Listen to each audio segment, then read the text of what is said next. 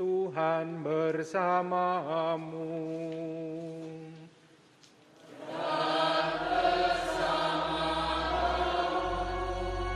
Inilah Injil suci menurut Matius.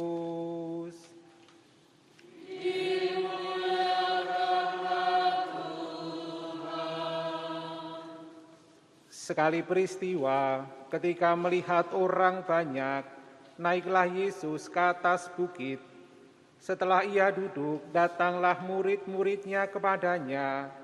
Lalu Yesus pun mulai berbicara dan mengajar mereka, katanya, Berbahagialah orang yang miskin di hadapan Allah, karena merekalah yang punya kerajaan surga. Berbahagialah orang yang berduka cita, karena mereka akan dihibur. Berbahagialah orang yang lemah lembut, karena mereka akan memiliki bumi. Berbahagialah orang yang lapar dan haus akan kebenaran, karena mereka akan dipuaskan. Berbahagialah orang yang murah hati, karena mereka akan beroleh kemurahan. Berbahagialah orang yang suci hatinya, karena mereka akan melihat Allah. Berbahagialah orang yang membawa damai, karena mereka akan disebut anak-anak Allah. Berbahagialah orang yang dianiaya demi kebenaran, karena merekalah yang punya kerajaan surga. Berbahagialah kamu jika karena aku kamu dicela dan dianiaya, dan kepadamu difitnahkan segala yang jahat.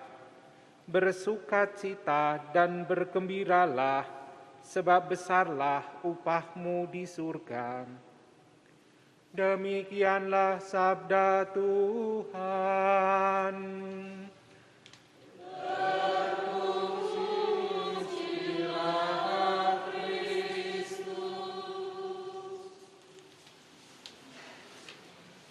Bapak, Ibu, dan Saudara-saudari terkasih, para suster dan bruder, hari ini bacaan-bacaan yang diberikan kepada kita adalah pengajaran-pengajaran untuk menjadi rendah hati.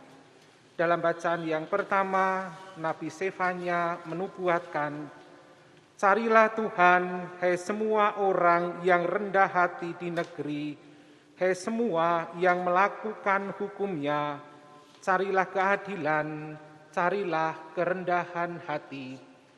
Apakah artinya menjadi rendah hati?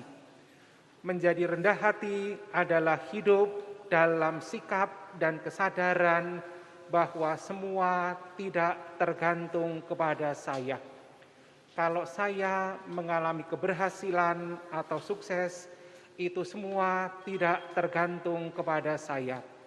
Sebaliknya, juga kalau saya mengalami kegagalan, semua tidak tergantung kepada saya. 25 tahun yang lalu saya kenal dengan seorang bapak. Waktu itu beliau masih baru saja beberapa tahun selesai kuliah, kuliah jurusan bahasa Inggris di UNS Solo.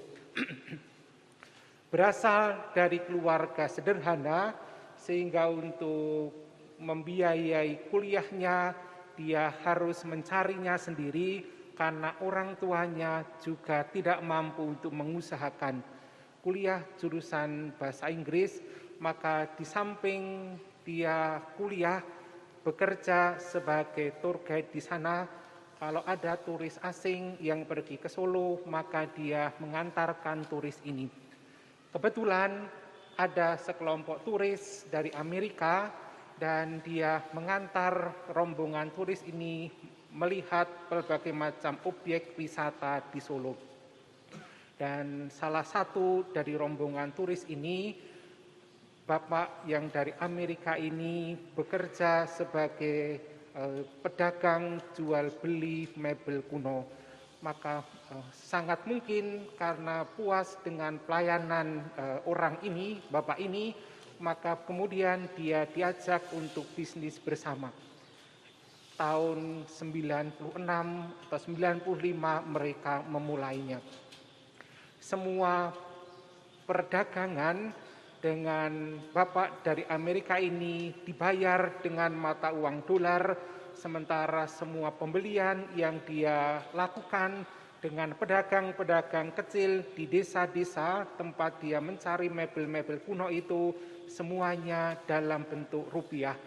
Dan ketika Indonesia terkena krisis tahun 96, 97, 98 di mana ada perbedaan besar spread yang besar antara dolar dan rupiah, dia mendapat keuntungan besar karena peristiwa yang kebetulan itu. Sukses yang dia capai tidak semuanya tergantung kepada dia.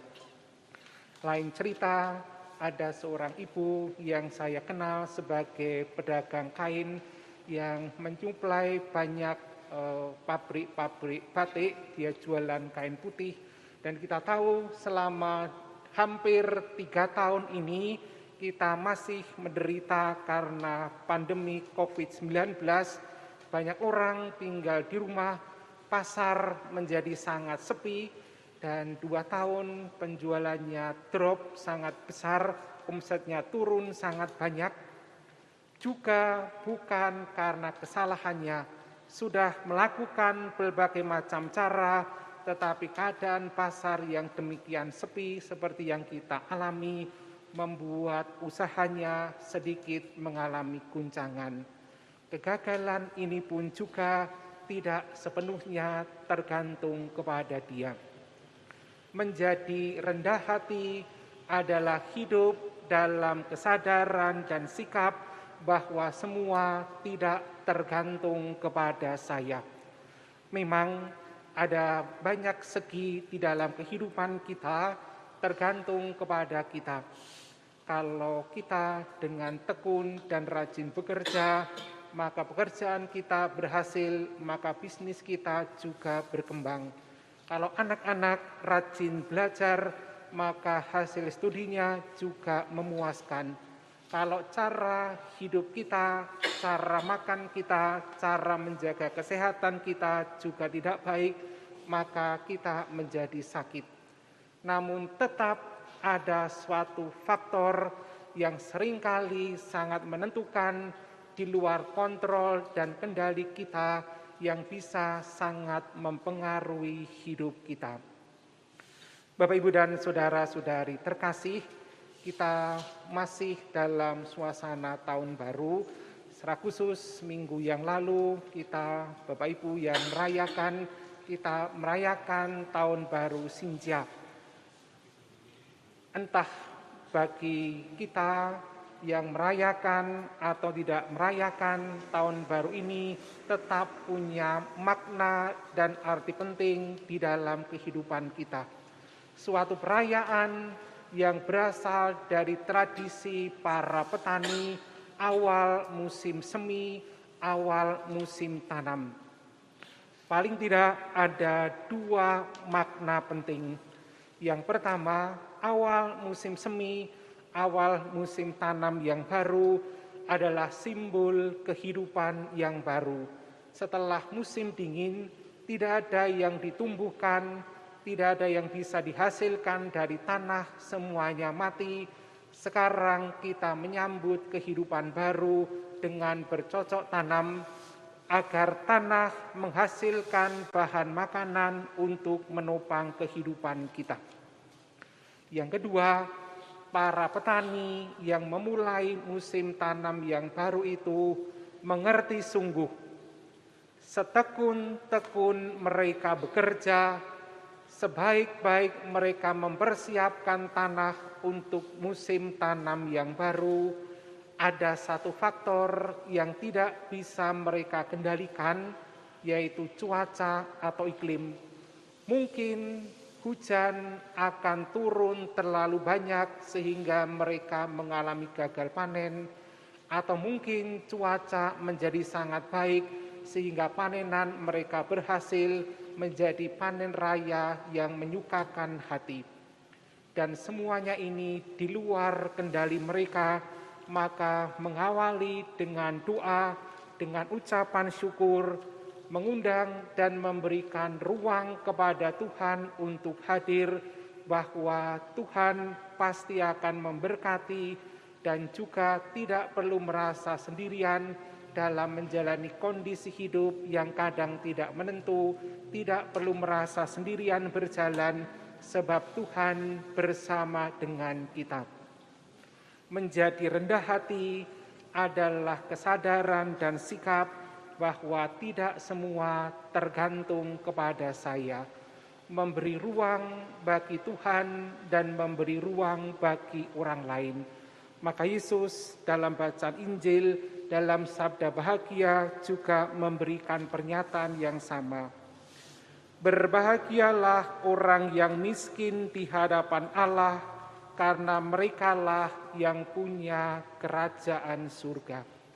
Memberikan ruang bagi Tuhan di dalam kehidupan kita, membangun keyakinan bahwa Dia pasti bersama dengan kita. Maka menjadi rendah hati artinya membangun hidup dalam tiga sikap ini. Yang pertama adalah kita menikmati kehidupan yang kita punya, mensyukurinya, dan memberikan yang terbaik atas bagian yang kita punya dalam peran, dalam tugas dan tanggung jawab yang diberi, yang dipercayakan kepada kita, manakah bagian yang terbaik yang bisa aku berikan untuk semuanya itu. Dan yang kedua adalah memberi ruang bagi orang lain. Ada banyak orang yang berperan di dalam hidup kita, yang menjadikan kita menjadi seperti sekarang ini, sebab tidak semuanya tergantung kepada saya.